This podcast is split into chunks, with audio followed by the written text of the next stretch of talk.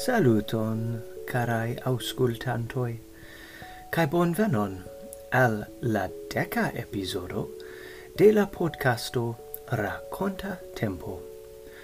Parolas Austeno, el Canado. Por niai novae auscultantoi, la celo por citiu podcasto estas legi unu novelon au alian mallongan raconton ciun episodon. Sed unue, amicoi miai, kiel vi fartas hodiau? Ciu vi fartas bone? Mi esperas che yes. Ciu vi felicias? Ciu vi contentas? Kiel vi sentas vin? Kio estis la ple bona afero kiu ocasis al vi hodiau? Ciu vi povas pensi pri io? bonvolu scribi al mi Io racconta tempo ce gomel.com kai racconti al mi pri bona afero kiu okazis al vi lasta tempe ne estu timema mi vere volas audi de vi. Nu ni comensos la hodiau wan raconton tre baldau do eble vi volus pausi momenton porce vi alportu lit covrilon, eble varman trincajon, cae compreneble vian ple shatatan plush urson. Bonvolu al claci la paus butonon, cae reveni ciam vi pretos. Mi attendos vin? Bone. Ciu ni pretas? La raconto sekvas.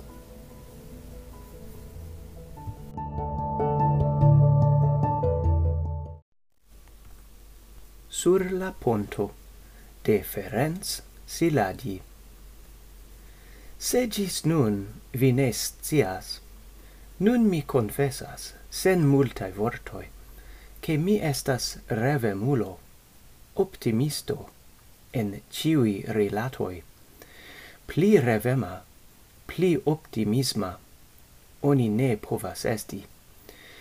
Mi credas che oni povas gaini per tio, sed miai amicoi cutimas mangesti strange, bedaure, quelc foie compate, ciam ili parolas pri mia practica valoro. Condice, che mi nece estas. Ofte, Ciam mi alvenas, la conversatio subite estingigas. Oni ne nature movas sin. Shainigas naturezon, cae tiam mi scias, che oni parolis pri mi. Oni diras, che mi sonjas en la mondo. Mi estas mal laborema, mal practica, ne creita por tiu ci mondo. Dum la aliai la sobrai activae homoi agaras ciam. Ili ne povas riposi ec ciam la sorto forrabas ilian laboreblezon. Mi conas activulon li estas mia parenzo Maliuniulo li estas. Ciam li pensi igis, li ne povis trovi sian locon, cae li reiris en sian officeon, cae petis tablon, cae ordigis paperoin, donis informoin alla preter irantoi en la corridoro, cae faris aliaen mil ne necessain agoin sen page. Nur che li povu inspiri la saman atmosferon cae shainigi la febran agadon. Estas bone che oni comprenis lin tie, en la officeo, cae ridetante toleris lin. Quancam la tuta agado estis nur ludo, oni pli malfacile comprenas min ancao mi quelc foie mal approbe balanzas mian capon pro mi mem.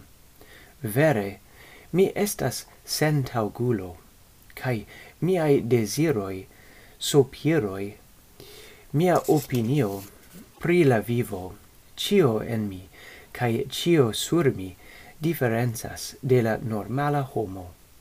Ne pensu che mi estas fiera pri tio, iom post iom miai corpo, vesto cae animo for cifonigas, miai sonjoi cae revoi, unu post la alia, for cindrigas, cae mi restas inter la nest possedantae, ordemai burgioi, la crispa comica passero, quiu saltadas tien cae reen, Gis venas la granda frosto, la morta neg covrilo.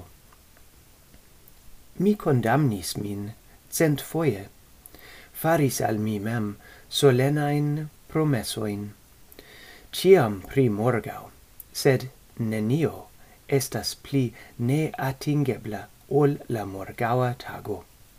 Eble, ancau vi vidis tiun caricaturon kie la veturigisto tenas antau la cevalo per sia longa vipo, ce la fino de la schnuro fasceton de bon odora foino. La foino estas constante antau la cevalo. Gi curas post gin, sed neniam gi povas atingi gin. Tiel mi insistas, stimulas mian vivon per la promesso de la morgaua transformigio. Sed tiu morgau restas ciam nur la sama morgau. Cai transformigi estas neeble. Ciutage, circa la tagmezo, mi iras tra la ponto. La ponto estas larga cae longa. Ponto inter la du bordoi kai circauae villagioi. Tiu ci ponto estas solida, massiva, confidinda. Gi estas inda alla rivero. La rivero estas granda. La ponto estas granda. Sed oni estas malgranda.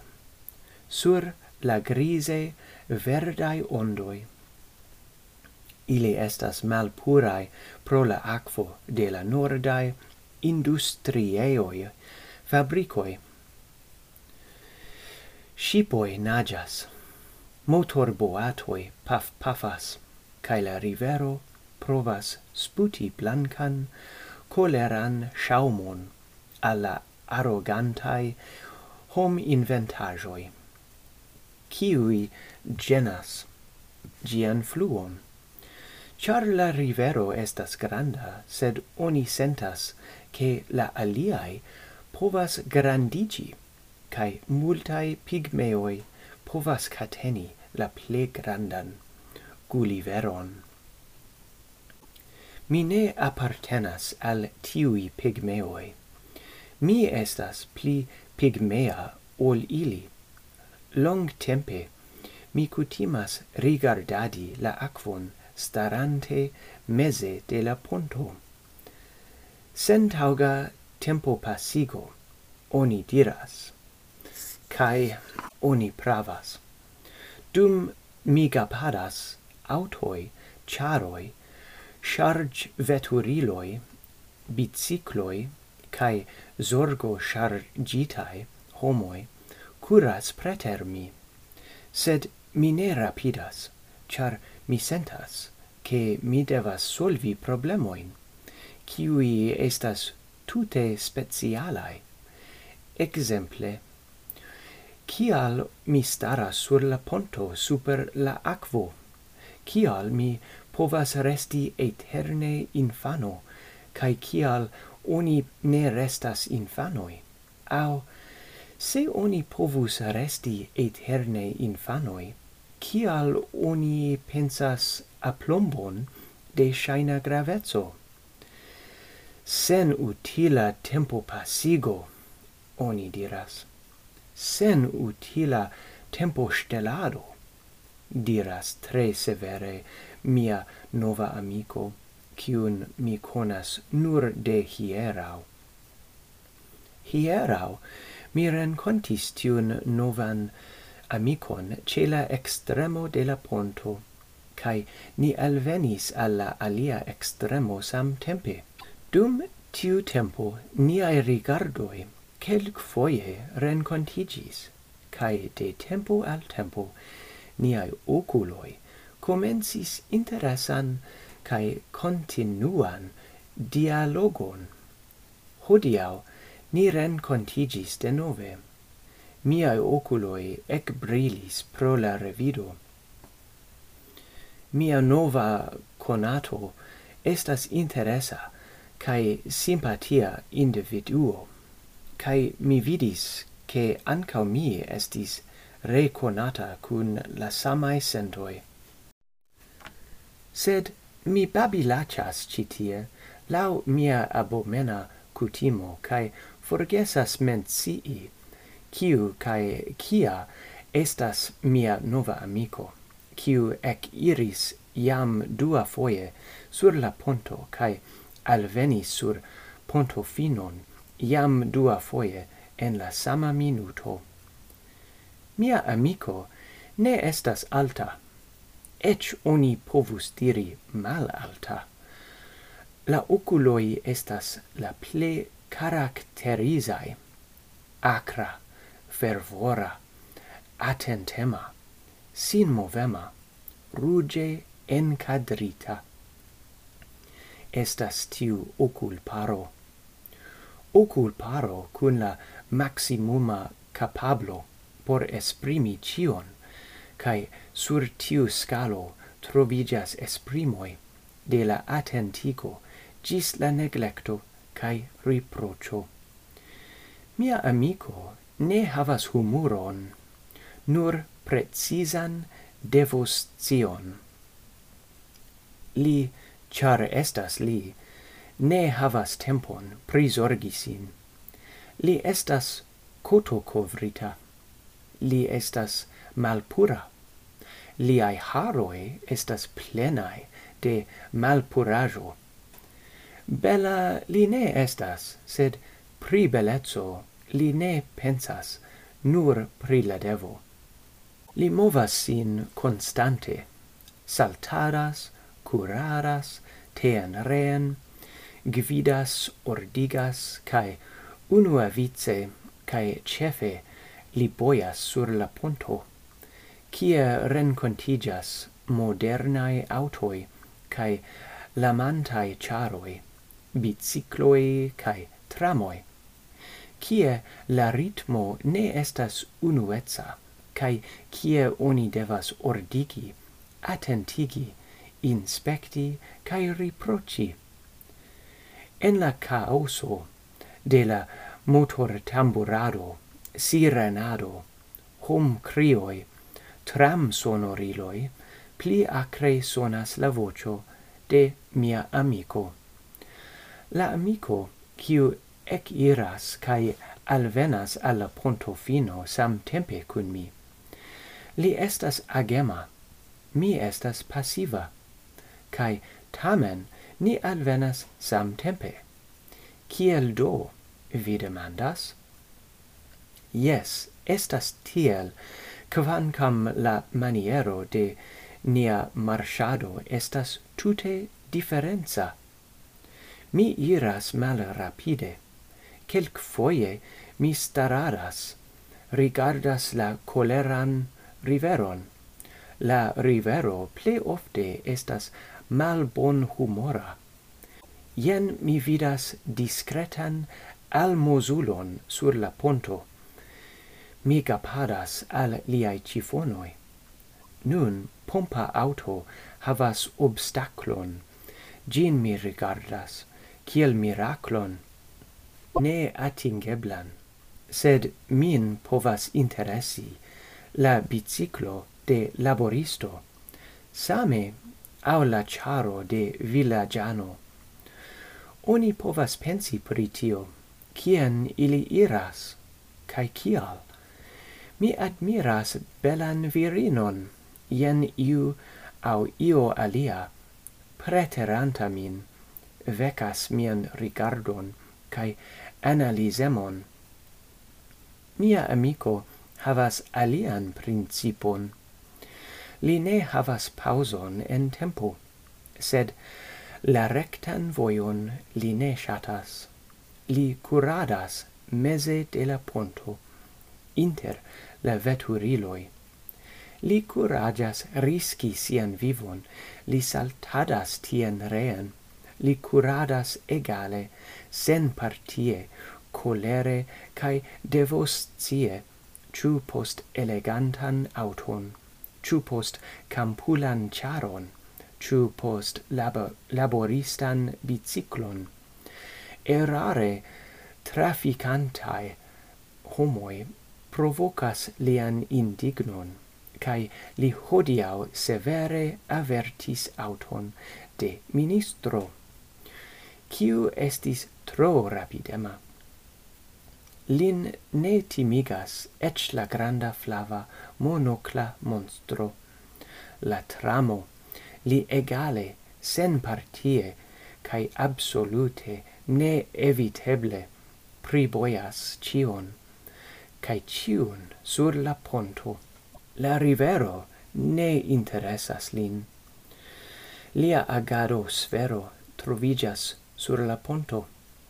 Ja, yes, gis nun mi forgesis diri che mia amico estas malgranda vagema hundo, kiu tute precise scias cae trovis sian locon en la socio.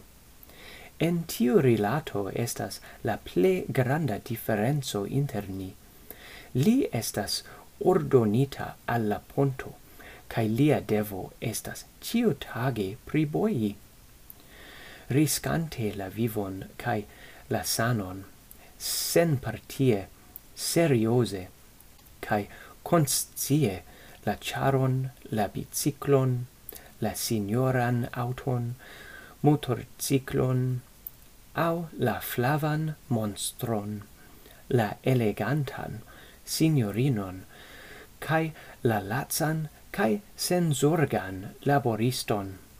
Li zigzagas tien reen, ocasas bon chansai momentoi kiam li denove rencontigas ie sur la ponto. Li, la agamulo, cae mi, la nesa vebla revanto. kai tiam ni comensas mal longan dialogon.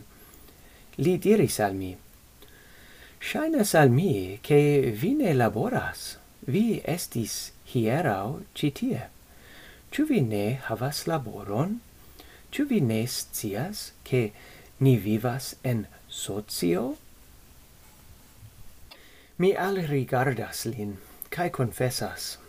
Yes, vi pravas. Mi scias, che mi estas sentaugulo.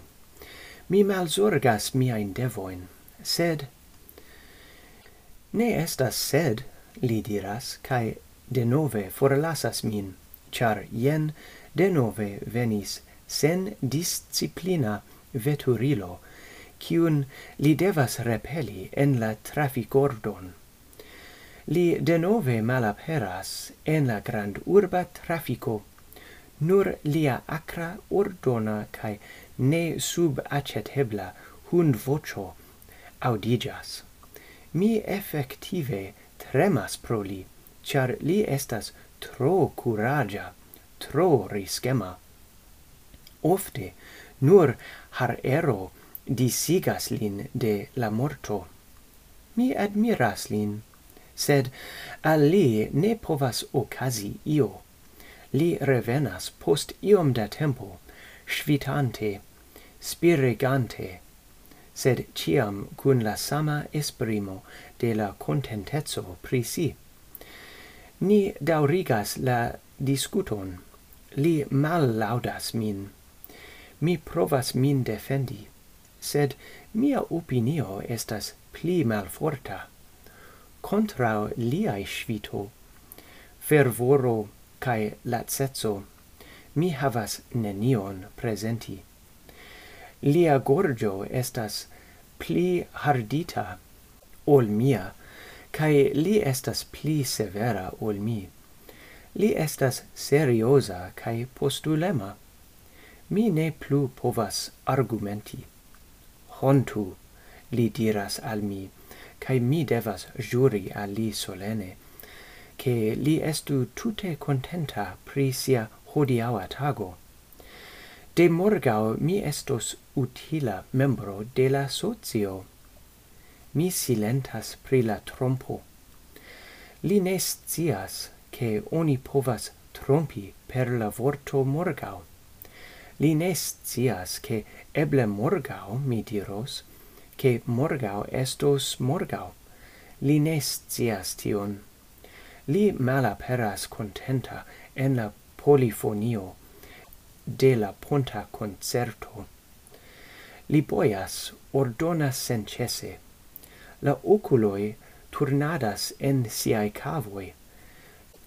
Lia labor producto iam nun estas super hunda cae super homa. Li boias, curas, zigzagas, stertoras, mordas alla radoi cae veturiloi, cae ili obeas. Li svitas, la suno ec brilas.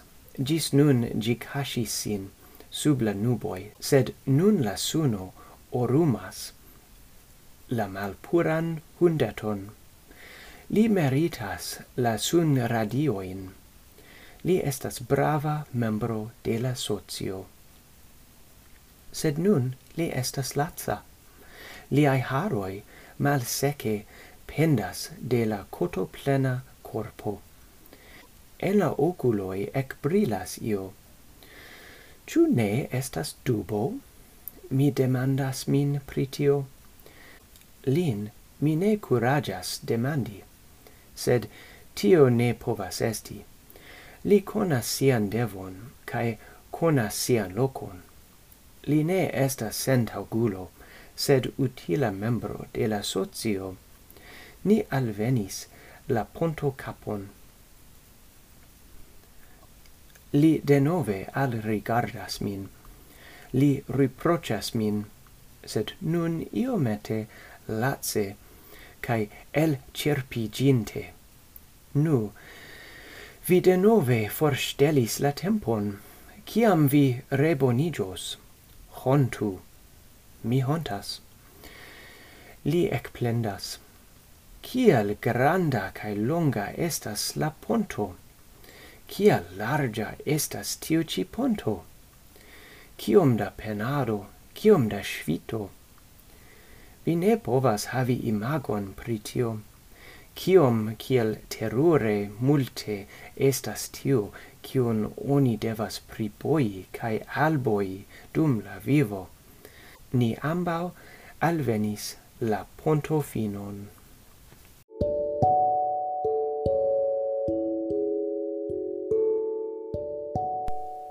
Nu, tio estis la fino de la raconto. Mi esperas che vi giuis gin tiel multe kiel mi. La verkisto de tio raconto, Ferenc Siladi, nascigis en Budapesto, Hungario, en 1895. Li estis ege grava alla literatura movado en Esperantujo. Lau mi, liai scribajoi estas tiel belegai, cae lia stilo estas foie amusa cae foie corshira. Fakte, du el liai gravae vercoi aperis en la baza legolisto de William Auld.